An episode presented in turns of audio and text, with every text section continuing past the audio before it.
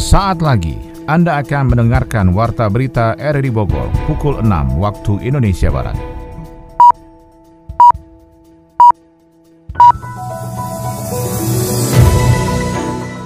Selamat pagi, salam jumpa. Kami hadir kembali dalam Warta Berita edisi hari ini, Selasa 28 Februari 2023. Informasi ini juga turut disiarkan melalui audio streaming lewat RRD Play dan juga disiarkan lewat Radio Tegak Beriman Kabupaten Bogor, Jawa Barat dan Anda bisa akses di Spotify RRD Bogor. Sebuah jembatan ambruk akibat derasnya kali Cibalok seusai diguyur hujan deras. Hujan deras sepanjang malam hari kemarin juga menyebabkan longsor di Bukit Kampung Nyalindung, Desa Gunung Gelis, Kecamatan Sukaraja, Kabupaten Bogor. Sementara itu Pasutri warga Kampung Cinangka, Desa Cipayung, Girang, Kecamatan Megamendung tewas terbawa hanyut kali Ciesek. Itulah tiga berita utama kita di edisi hari ini yang bisa Anda dengarkan langsung lewat Warta Berita dan selengkapnya bersama saya, Maulana Isnato.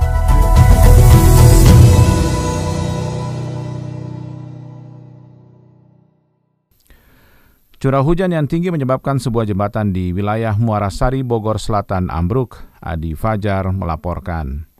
Hujan deras yang mengguyur wilayah Bogor pada minggu malam menyebabkan sebuah jembatan di Gang Warung Pala, Kelurahan Muarasari, Kecamatan Bogor Selatan, Kota Bogor, ambruk dan terputus. Sebelum jembatan yang teraliri Kali Cibalok itu ambruk, tebing penahan jembatan tersebut memang telah terkikis arus sungai. Kepala Seksi Kedaruratan dan Logistik BPBD Kota Bogor, Jarwo, mengatakan saat ini tim di lapangan telah melakukan asesmen dan penanganan dengan membersihkan puing-puing material jembatan, mengantisipasi adanya sumbatan di aliran sungai yang berpotensi memperparah memperparah kondisi. Sementara untuk penanganan lanjutan perbaikan jembatan itu akan dilakukan oleh dinas teknis terkait. Jadi usaha kami adalah pembersihan puing-puing yang ada di bawah dikhawatirkan ada penjembatan uh, akibat material atau patahan daripada jembatan tersebut. Untuk pembangunannya mungkin menunggu waktu karena nanti dinas teknis di sini adalah PUPR nanti akan mengerjakan daripada perbaikan jembatan tersebut. Jarwo mengungkapkan tidak ada korban luka maupun jiwa atas kejadian tersebut. Namun jembatan yang ambruk itu merupakan akses jalan aktif warga yang menghubungkan antara RW 2 dengan RW 7 di Kelurahan Muarasari. Saat ini petugas sudah menutup jalan tersebut dan aparat wilayah setempat melakukan rekayasa arus lalu lintas untuk mobilitas masyarakat.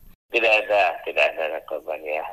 Memang dipakai warga, sebagai warga, masyarakat dipergunakan di daerah Marasari itu kan. Yang jelas transportasi dan masyarakat terhalang ataupun terkendala karena patahnya ataupun rusaknya dari jembatan tersebut. Dari wilayah jelas ada pengalihan jalan ya, transportasi masyarakat akhirnya bisa uh, lancar atau bisa kegiatan masyarakat uh, tidak begitu terganggu biarpun nanti mungkin jaraknya agak uh, sedikit jauh ya minimal nanti bisa uh, lancar kembali daripada uh, aktivitas masyarakat. Jembatan tersebut ambruk pada Senin pagi sekitar pukul 7 lebih 30 waktu Indonesia Barat. Ambruknya jembatan disebabkan tanah setinggi 10 meter yang berada di aliran sungai Cibalok itu mengalami longsor. Hujan deras yang terjadi sepanjang hari kemarin juga mengakibatkan longsor di Bukit Kampung Nyalindung, Desa Gunung Gelis, Kecamatan Sukaraja, Kabupaten Bogor. Laporan ini disampaikan Yofri Haryadi.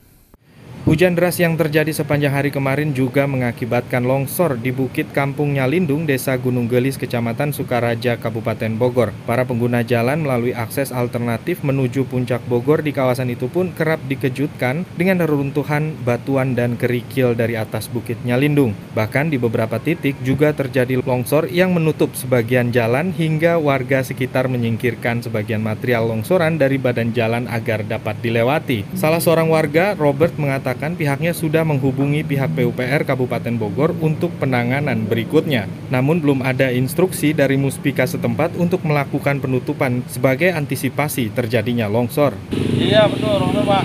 Dari atas, dari tengah orang tuh tadi pagi.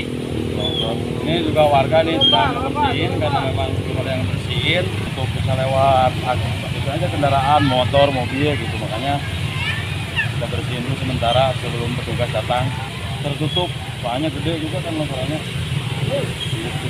Masyarakat pengguna jalur alternatif menuju ke kawasan wisata Puncak Bogor dari arah Sentul dan Sukaraja harus berhati-hati melewati kawasan bukit sepanjang 600 meter. Selain licin karena lumpur yang tergenang air, reruntuhan batu dan kerikil harus diwaspadai, terutama bagi pengguna kendaraan roda 2. Sementara itu sepasang suami istri juga tewas terseret arus sungai Ciesek. Informasi selengkapnya kembali, Yofri Haryadi melaporkan. Pasangan suami istri Pasutri warga Kampung Cinangka, Desa Cipayung Girang, Kecamatan Megamendung, Kabupaten Bogor terbawa hanyut kali Ciesek pada Senin pagi kemarin. Mereka adalah Dedi Sumardi, 68 tahun, dan istrinya Aisyah, 53 tahun, yang ditemukan dalam keadaan tidak bernyawa di bawah jepitan batu. Kepala Desa Cipayung Girang, Sri Budi Sayekti mengungkapkan, dari informasi yang didapat, pasangan suami istri tersebut tinggal di bantaran kali Ciesek yang bermuara ke Ciliwung. Awalnya pada pagi hari, sang istri Aisyah berada di bagian belakang rumah yang menghadap kali Ciesek dan membersihkan sekitar bangunan rumahnya. Tidak lama berselang Aisyah hilang, diduga terpleset hingga terbawa arus dan sempat berteriak minta tolong. Tak lama kemudian sang suami datang berupaya menyelamatkannya dengan berenang ke tengah sungai. Diduga terpleset di rumahnya, pinggir kali. Rumahnya kan memang pinggir kali. Kegiatan sehari-hari mereka oh, bersih -bersih. ke sungai ya bersih-bersih karena mungkin cuaca apa hujan terpleset jatuh. Si suami juga ke bawa arus karena mau nolong istrinya. Nggak ada yang Nggak selamat, selamat dua-duanya. Iya. Pertama istrinya dulu, itu kurang lebih jarak dari tempat rumahnya itu sekitar 500. Nah terus uh, sesuai keterangan dari warga karena dia itu ke bawahnya berdua, akhirnya si suami juga ditemukannya nggak jauh dari tempat rumahnya 200 meter. Keduanya tidak dapat menyelamatkan dan diselamatkan. Tim pencari dari Satdam Karjawi, BPBD, dan Rescue Siaga Desa setempat melakukan pencarian hingga ke muara Kali Ciesek di Kali Ciliwung. Keduanya ditemukan dengan jarak yang tidak terlalu jauh dari tempat dilaporkan hilang sekitar 500 meter dari kejadian. Kapolsek Megamendung Kompol Edi Santosa menambahkan jarak keduanya saat ditemukan sekitar 200 meter. Tim pencarian menggunakan perahu karet menghadapi derasnya aliran sungai Ciesek yang sedang meluap saat itu. Korban ini sekitar jam 8 menuju ke sungai gitu. Kemudian diduga terpleset. Kemudian suaminya mendengar berusaha untuk menolong. Malah terbawa arus juga. Ditemukan istrinya yang terbawa arus pertama ditemukan dalam keadaan meninggal dunia. Dan suaminya ini kita cari ternyata masih di atas sekitar 200 meter dari TKP jadi dua-duanya kami temukan dalam keadaan meninggal dunia. Nah saat ini sudah di rumah sakit di bantaran sungai Ciesek yang ujung-ujungnya nanti ke Ciliwung juga ya. Kejadian itu pun menjadi atensi bagi warga yang tinggal di sepanjang bantaran sungai untuk waspada dan siaga terjadinya bencana akibat luapan kali. Kedua jenazah yang ditemukan dilarikan ke RSUD Ciawi dan dimakamkan segera di tempat pemakaman keluarga di Cipayung, Megamendung, Bogor. Pendengar, hujan deras dengan intensitas tinggi masih berpotensi terjadi di wilayah Jabodetabek, khususnya di wilayah Bogor dalam sepekan ke depan. Untuk itu BMKG dan BPBD menghimbau masyarakat untuk siaga dan waspada terhadap potensi bencana hidrometeorologi yang dapat terjadi sewaktu-waktu. Untuk mengetahui apa dan bagaimana kita menyikapi kondisi itu berikut wawancara reporter Adi Fajar Nugraha dengan Kepala Stasiun Klimatologi Jawa Barat, Indra Gustari curah hujan yang kayaknya seminggu terakhir khususnya di Bogor kayaknya hujan terus Pak Indra. Tapi kalau dari BMKG sendiri memang potensi curah hujan ini akan terjadi selama berapa kalau khususnya di Bogor lah Pak Indra. Jadi kalau ininya secara umum ini kan kita masih di uh, periode musim hujan ya. Jadi ya, bahkan berapa pekan terakhir ini kondisi monsun Asianya itu uh, lebih kuat dibandingkan rata-ratanya. Jadi dampaknya tentu hujan berpotensi lebih tinggi di Indonesia bagian barat dan selatan termasuk wilayah Jawa Barat dan Bogor kita ini. Jadi ditambah lagi satu faktor tekanan rendah di Australia bagian utara. Jadi kondisi ini yang menyebabkan uh, lebih banyak masa udara dari Asia atau belahan bumi utara masuk ke wilayah kita. Jadi faktor monsunnya tadi dan juga pola angin di atas wilayah Indonesia bagian barat termasuk wilayah uh, Jawa Barat dan Bogor ini. Di potensi hujannya ini yang menyebabkan potensi hujannya menjadi uh, lebih tinggi yang terjadi berapa hari kemarin dan juga sampai saat ini. Oke, ini kondisi ini akan berlangsung sampai berapa lama Pak Indra? Kalau untuk hujan untuk Jawa Barat sampai sepekan ke, depan itu eh, sebagian besar ini masih tinggi khususnya yang bagian barat ya dan utara di, Tasik, Ciamis, Banjar juga nah, termasuk ini. Tetapi untuk wilayah Bogor intensitasnya tidak setinggi wilayah di utara maupun di selatan. Kalau di utara seperti di daerah Karawang kan lebih tinggi hujannya berapa hari terakhir ini dan juga di daerah Bandaran. Jadi hujannya masih ada tetapi dilihat dari intensitasnya kriterianya sampai dari uh, lebat sampai sangat lebat kilat petir. Untuk yang wilayah Bogor Pak yang sampai sangat lebat ini. Nah, yang potensi ekstrimnya tinggi itu justru di luar Bogor nah, seperti di daerah utara ya Karawang hmm terus di selatan di sekitar Pangandaran. Kalau kemarin kita kan uh, ngobrol soal puncak musim hujan tuh kan antara di Januari dan di Februari Pak ya. Apakah memang ini juga hmm. menjadi puncak musim hujan karena memang setelahnya biasanya di bulan Maret atau April tuh udah masuk ke kemarau Pak Indra? Ya, ini betul Pak. Jadi eh, dari sisi musim hujannya atau monsun Asianya eh, Desember, Januari, Februari itu kan periode puncak musim hujannya. Memang nggak merata kan ada daerah yang musim hujannya tertinggi itu di Januari, ada yang di Februari. Tetapi sebarannya itu di tiga bulan ini. Kan ada yang di awal Januari, ada yang pertengahan Januari atau akhir Januari, demikian juga di Februari. Jadi betul, ini periode-periode Januari, Februari ini adalah periode-periode curah hujan tinggi atau periode puncak musim hujan. Walaupun secara tengah bulan atau akhir bulan itu bisa berbeda-beda antara satu daerah dengan daerah lainnya. Pak, kalau mau dilihat karakteristik uh, hujan ini juga sebagai uh, antisipasi masyarakat Pak Indra kalau misalkan memang uh, hujan karakternya memang masuk di intensitas yang sangat lebat tuh uh, dari pagi atau dari siang itu udah ada cirinya nggak Pak Indra? Kalau dari siklus uh, musimnya ini kan uh, bukan uh, bukan faktor lo lokal lagi yang dominan tetapi lebih kepada faktor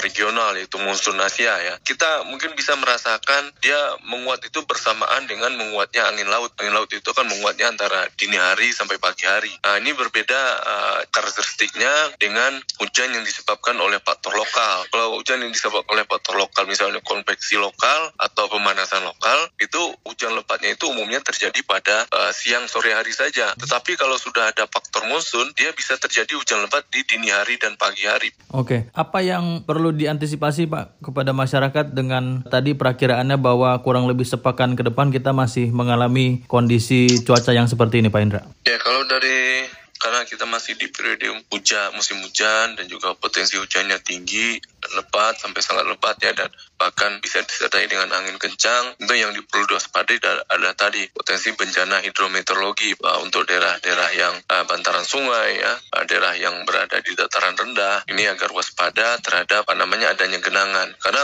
banjir atau genangan itu tidak semata-mata disebabkan oleh hujan ekstrim tetapi hujan dengan intensitas sedang sampai uh, menengah ya. Nggak begitu ekstrim tetapi uh, berlangsung pada periode yang cukup panjang atau durasi yang lama itu bisa menyebabkan genangan juga. Itu yang ini ya.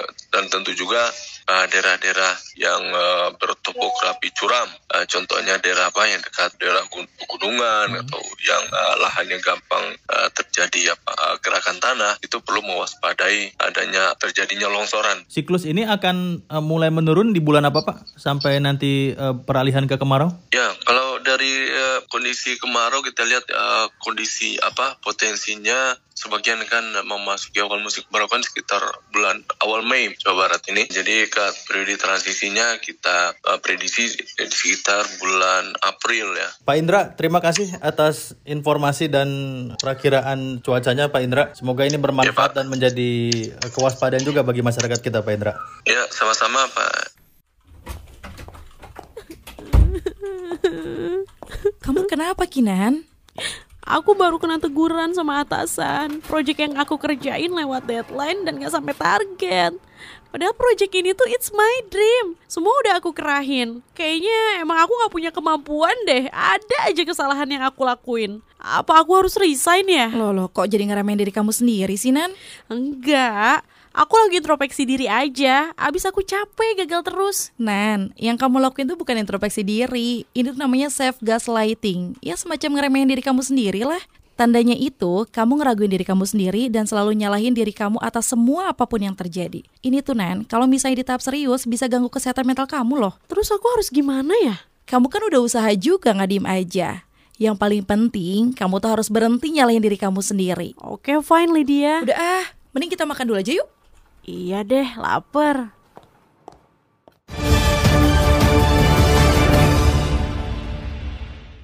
Kita beralih ke informasi lainnya tentang Disduk Capil setempat membuka nomor resmi layanan konsultasi khusus bagi warga masyarakat yang berdomisili di Kota Bogor. Sony Agung melaporkan.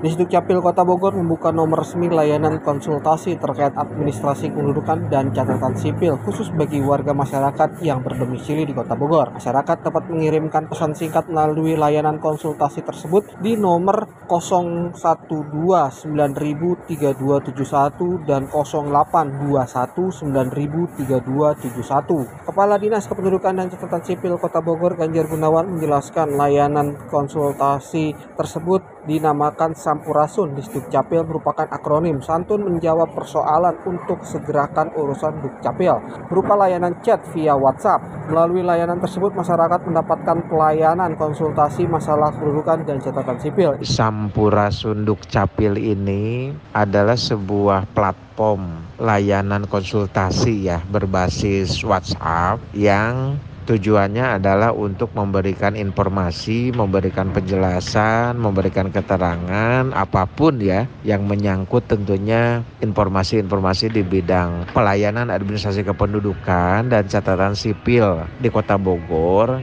Dan ini untuk mempermudah masyarakat misalnya yang masih bingung ya bagaimana syaratnya, bagaimana prosesnya, harus ke mana, harus bertanya ke siapa, begitu kan? Dengan layanan tersebut kiranya bisa membantu warga masyarakat Kota Bogor yang masih butuh informasi dan penjelasan apa pun terkait kepengurusan administrasi kependudukan dan catatan sipil karena mudah diakses untuk pelayanan menyeluruh. Memang sudah ada pojok aduan di kantor dinas Dukcapil ya. Kemudian juga ada platform medsos dengan Instagramnya di Dukcapil. Itu saja saya kira nggak cukup karena tentunya kan masyarakat Kota Bogor tidak semuanya juga buka-buka medsos gitu kan, punya Instagram ya. Sehingga ini untuk memberikan ruang yang lebih luas lagi masyarakat bisa berkomunikasi dan bertanya.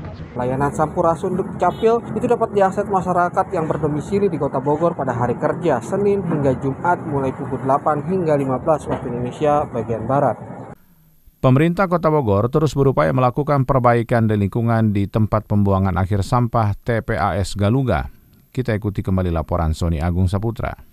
Pengelolaan sampah dari hulu ke hilir menjadi penanganan pemerintah Kota Bogor agar bisa optimal dalam menciptakan lingkungan bersih dan lestari. Untuk itu pemerintah Kota Bogor bertekad untuk meraih Piala Adipura sebagai kota bersih dan lestari. Wakil Wali Kota Bogor Dedi Rahim menjelaskan upaya untuk meraih Adipura merupakan penyemangat agar seluruh masyarakat Bogor dapat mengurangi produksi sampah dari rumah tangga dengan proses 3R. Selain dapat menggiatkan bank sampah agar lebih maksimal dalam memberikan manfaat bagi masyarakat dengan dengan adanya penanganan sampah rumah tangga berbasis lingkungan. Tentu ya ini kan sebuah perjuangan yang tidak mudah. Nah, jadi urusan penerimaan penghargaan Adipura ini kan bukan urusan kita membersihkan sungai, menyapu jalan, bukan urusan pengelolaan sampah rumah tangga saja, tetapi juga bagaimana ada konsepsi pengurangan jumlah sampah yang bisa dikirim ke TPA Galuga ya itu itu kan udah kita udah lakukan berbagai langkah. Yang tadinya dari 800 ton per hari sekarang kisarannya di 560 ton per hari jadi kan sudah signifikan jumlah sampah yang dikirim ke TPA-nya. Nah itu bukan hal yang mudah. Apa yang dilakukan? Kita mengelola sampah sejak dari hulu Selain itu, pemerintah Kota Bogor terus melakukan perbaikan lingkungan di tempat pembuangan akhir sampah TPAS Galuga agar bisa menjadi salah satu tempat pembuangan dengan menggunakan teknologi tepat guna untuk kelestarian lingkungan. Paling penting adalah pengelolaan di TPA-nya. Ah. Jadi yang orang-orang lupa. TPA-nya gimana? Apakah masih open dumping ya, atau sudah kontrol landfill? Apa sudah ada treatment? Jadi orang melihatnya kan di, di hulu, di hilirnya pun uh, kita harus harus lakukan langkah-langkah uh, signifikan yang bisa uh, membantu untuk pengelolaan sampah itu. Dukungan masyarakat untuk menciptakan suasana bersih dan indah dari mulai lingkungan juga harus menjadi kebiasaan sehingga wilayah Bogor menjadi asri dan indah. Anda tengah mendengarkan Warta Berita RRI Bogor. Dari dunia ekonomi, Menteri Pertanian Syahrul Yassin Limpo menyayangkan realisasi program permajaan sawit rakyat PSR yang masih terlalu rendah. Jumlah utang Indonesia hingga 31 Januari 2023 bertambah 20,99 triliun dari posisi utang pada akhir 2022. Selengkapnya kita ikuti laporan Adi Fajar Nugraha. Menteri Pertanian Syahrul Yassin Limpo mengungkap ekspor pertanian selama tahun 2022 mencapai 640,56 triliun rupiah atau naik sebesar 3,93 persen dari tahun 2021. Menurutnya penyumbang terbanyak dari realisasi ekspor tersebut sebanyak 90 persen dari perkebunan sawit dan perkebunan lainnya. Bahkan saat pandemi lalu pertumbuhan ekspor sawit mendominasi sebesar 90 persen. Namun berkaitan dengan sawit, Mentan Syahrul Yassin Limpo Menyayangkan realisasi program peremajaan sawit rakyat atau PSR yang masih rendah, Syahrul mendorong agar persyaratan untuk mendapatkan subsidi PSR tidak terlalu banyak. Sebagai informasi pada 2022, nilai ekspor perkebunan mencapai 577,17 triliun rupiah dan berkontribusi sebesar 92,34 persen dari total nilai ekspor komoditas pertanian. Meskipun ini dominasi oleh CPO dan turunannya, komoditas unggulan lainnya seperti kopi, kelapa, rempah-rempah, dan kakao juga sudah menunjukkan peningkatan nilai ekspor yang cukup signifikan.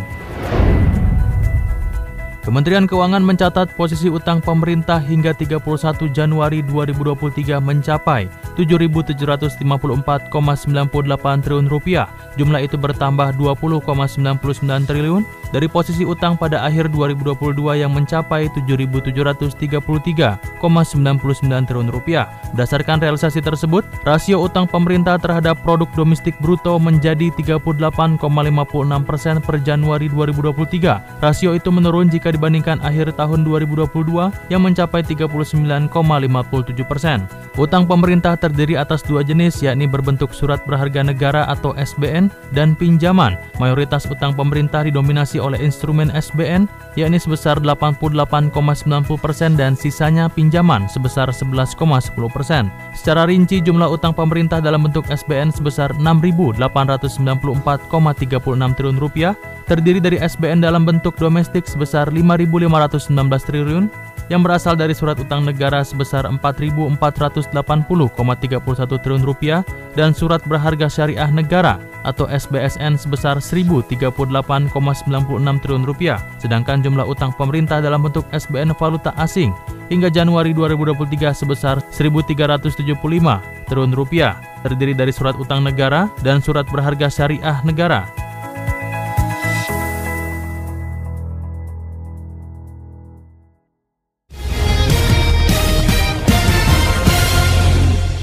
Dari dunia olahraga, lima atlet pelajar disabilitas Kabupaten Bogor dipastikan masuk dalam skuad Tanah Pasundan menuju Peparnas Palembang, Sumatera Selatan 2023. Laporan yang disampaikan Ermelinda.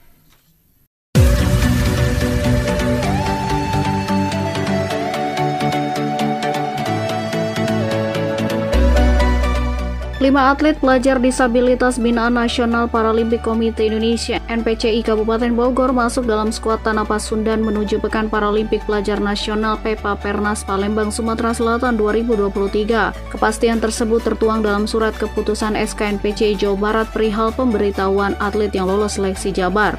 Ketua NPCI Kabupaten Bogor M. Isbah mengatakan kelima atlet yang lolos seleksi Jabar tersebut adalah Alnida, Iza Aulia, dan Fajar Fadila, dan Cindy Savana untuk cabur atletik atletik, Pahrani Adenia di cabang bulu tangkis, serta Naila Fairuz Zahira di cabang olahraga renang. Saat ini mereka telah berada di kota Bandung untuk bisa mengikuti pemusatan latihan daerah atau pelatda di Pusat Pendidikan Latihan Pelajar PPLP Disabilitas Jabar.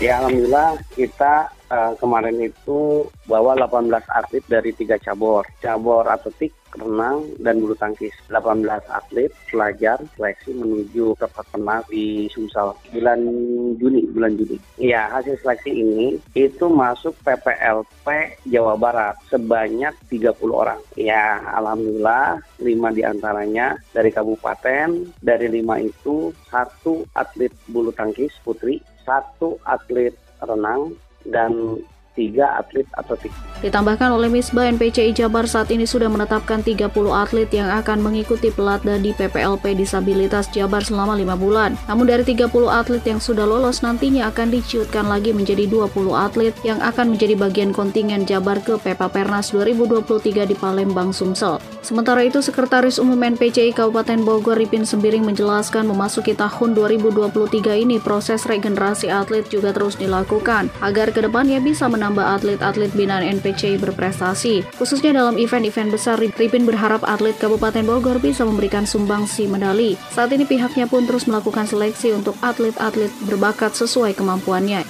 Secara teknis kita seperti waktu 2022 kita nanti ada bahasanya kita tentukan waktu satu waktu nanti kita kumpulkan nanti sekalian nanti itu kita seleksi setelah nanti kira-kira bakat-bakat tertentu hmm. yang memang udah nggak ada mungkin kita arahkan ke situ salah satu. Ripin juga berharap semua atlet NPCI Kabupaten Bogor yang mendapat undangan seleksi pelatda Jabar nantinya akan all out dan menunjukkan kemampuan disiplin terbaiknya.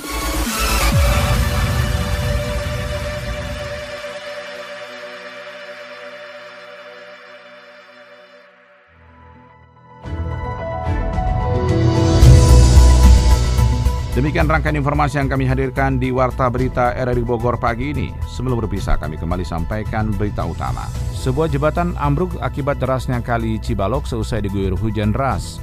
Hujan deras sepanjang malam hari kemarin juga menyebabkan longsor di Bukit Kampung Nyalindung, Desa Gunung Gelis, Kecamatan Sukaraja, Kabupaten Bogor. Sementara itu Pasutri warga Kampung Cinangka, Desa Cipayung, Girang, Kecamatan Megamendung tewas terbawa hanyut kali Ciesek. Saya Molanes Narto bersama tim bertugas pada hari ini mengucapkan terima kasih atas perhatian Anda. Selamat pagi dan sampai jumpa.